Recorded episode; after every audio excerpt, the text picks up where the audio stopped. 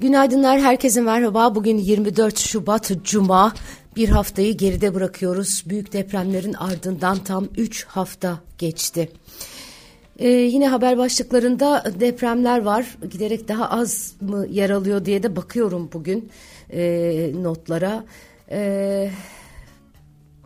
171 kişi tutuklanmış deprem sonrası depremler sonrası açılan e, soruşturmalar kapsamında Adalet Bakanı Bekir Bozdağ Diyarbakır'dan bağlandığı canlı yayında Kahramanmaraş merkezli depremlere ilişkin açıklamalarda bulunmuş, soruları yanıtlamış. Bakan Bozdağ 2015 ile 2023 yılları arasında 7097 kentsel dönüşüm davasının açıldığını söylemiş. Bu davalar kentsel dönüşümü yavaşlattı. 2012'de çıkan yasa nedeniyle atılması gereken adımlar maalesef atılamadı diye konuşmuş. Hakkında işlem yapılanlar arasında kamu görevlileri, yöneticiler ve denetim yapanların bulunup bulunmadığı sorulmuş. Diyor ki şu ana kadar tutuklu 171 kişiden 78'in müteahhit, 64'ü yapı sorumlusu. Yapı sahibi 11 kişi, binada değişiklik yapan 18 kişi var. Hakkında adli kontrol verilenlere baktığımızda 70 müteahhit var. Yapı sorumlusu 78, e, yapı sahibi 21, binada değişiklik yapan 28 kişi. Ayrıca inşaatın ustası, inşaat teknikeri, yapı ruhsatı düzenleyen yapı kullanma izni veren, denetimi yapan ve burada sorumluluğu ve imzası bulunan kim varsa bunların hepsi soruşturmaların kapsamındadır ve bunların sorumlulukları ayrı ayrı değerlendirilmektedir diye konuşmuş. Yani evet eee e, denetimi yapanlar e, kamu kamu görevlisi yok anladığım kadarıyla. Sonuna kadar da her türlü soruşturma yürütücü, yürütülecektir diyor bakan. Adalet tecelli edecektir. Bundan hiç kimsenin endişesi olmamalıdır. Sorumlu olanlar milletin gözü önünde milletin yargısına hesap verecektir diye konuşmuş. Anayasal düzeyde bir değişiklikte fayda var demiş. İmar affı artık Türkiye'de literatürden kalkmalı. Siz buna katılıyor musunuz diye sormuşlar bakana. Anayasal düzeyde bazı e, konularda af çıkarılamayacağına dair hükümler var.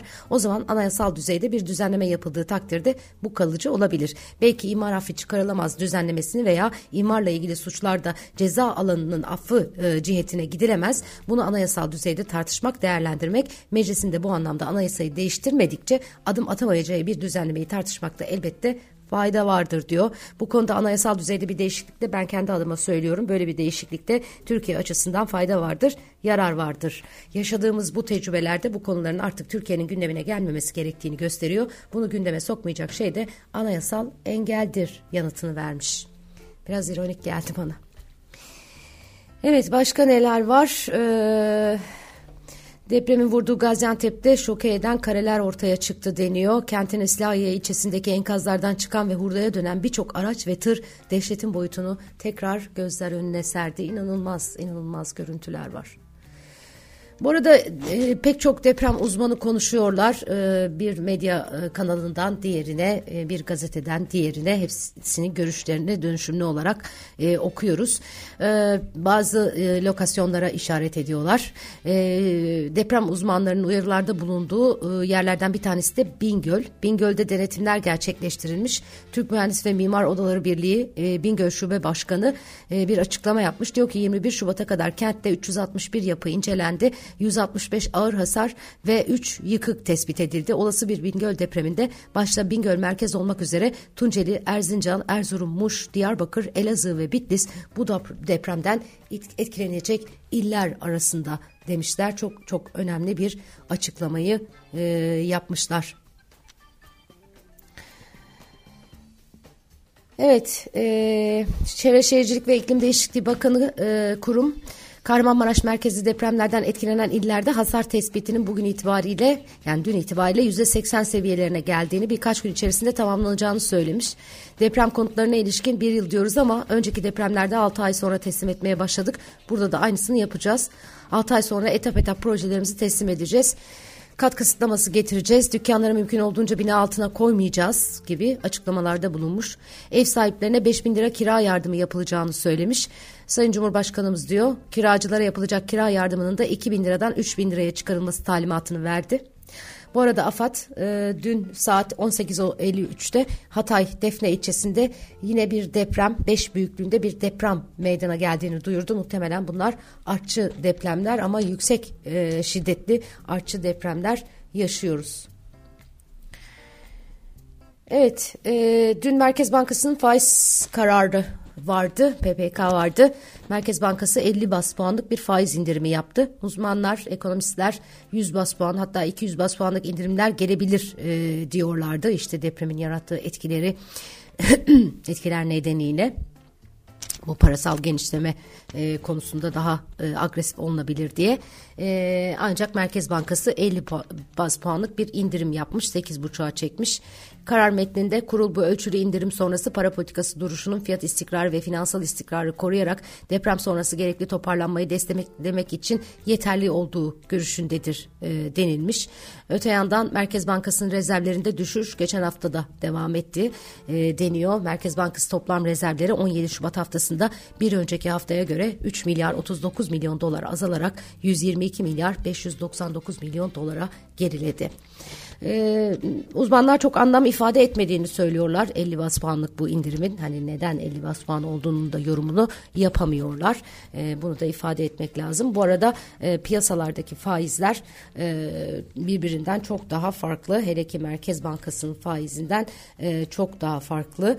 E, sevgili e, ekonomist dostum e, Hakan Kara bir e, tweet atmıştı dün. E, çeşit çeşit faiz e, seç beğen al diye hakikaten öyle bir durum var e, şu anda geldiğimiz e, noktada. E, zannediyorum o atmıştı. Yanlış mı hatırlıyorum? Yanlış hatırlıyorsam özür dilerim. E, dolayısıyla e, bu faiz Merkez Bankası'nın gösterge faizi, politika faizi e, piyasadaki faizin üzerinde öyle doğrudan e, çok da fazla etkili olmuyor artık. E, bankalara ceza e, yağdırmış Merkez Bankası 700 milyon lira döviz cezası. E, yurt dışına yapılan spot döviz transferlerinde bilgilendirme yükümlülüğü yerine getirmedikleri gerekçesiyle bu cezalar verilmiş.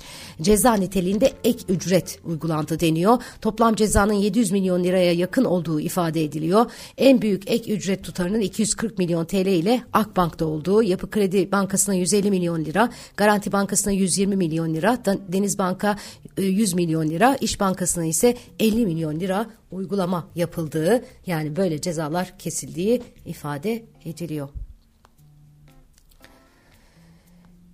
Tabii biz e, içeride e, pek çok sorunla, sıkıntıyla mücadele ederken dünya dönmeye devam ediyor. Dünyada neler var? Avrupa Birliği TikTok yasağını genişletiyormuş. Avrupa Birliği kurumlarında AB Komisyonu çalışmalarına güvenlik endişeleri gerekçesiyle Çinli sosyal medya platformu TikTok'u yasaklamasının ardından AB Konseyi de benzer bir karar almış.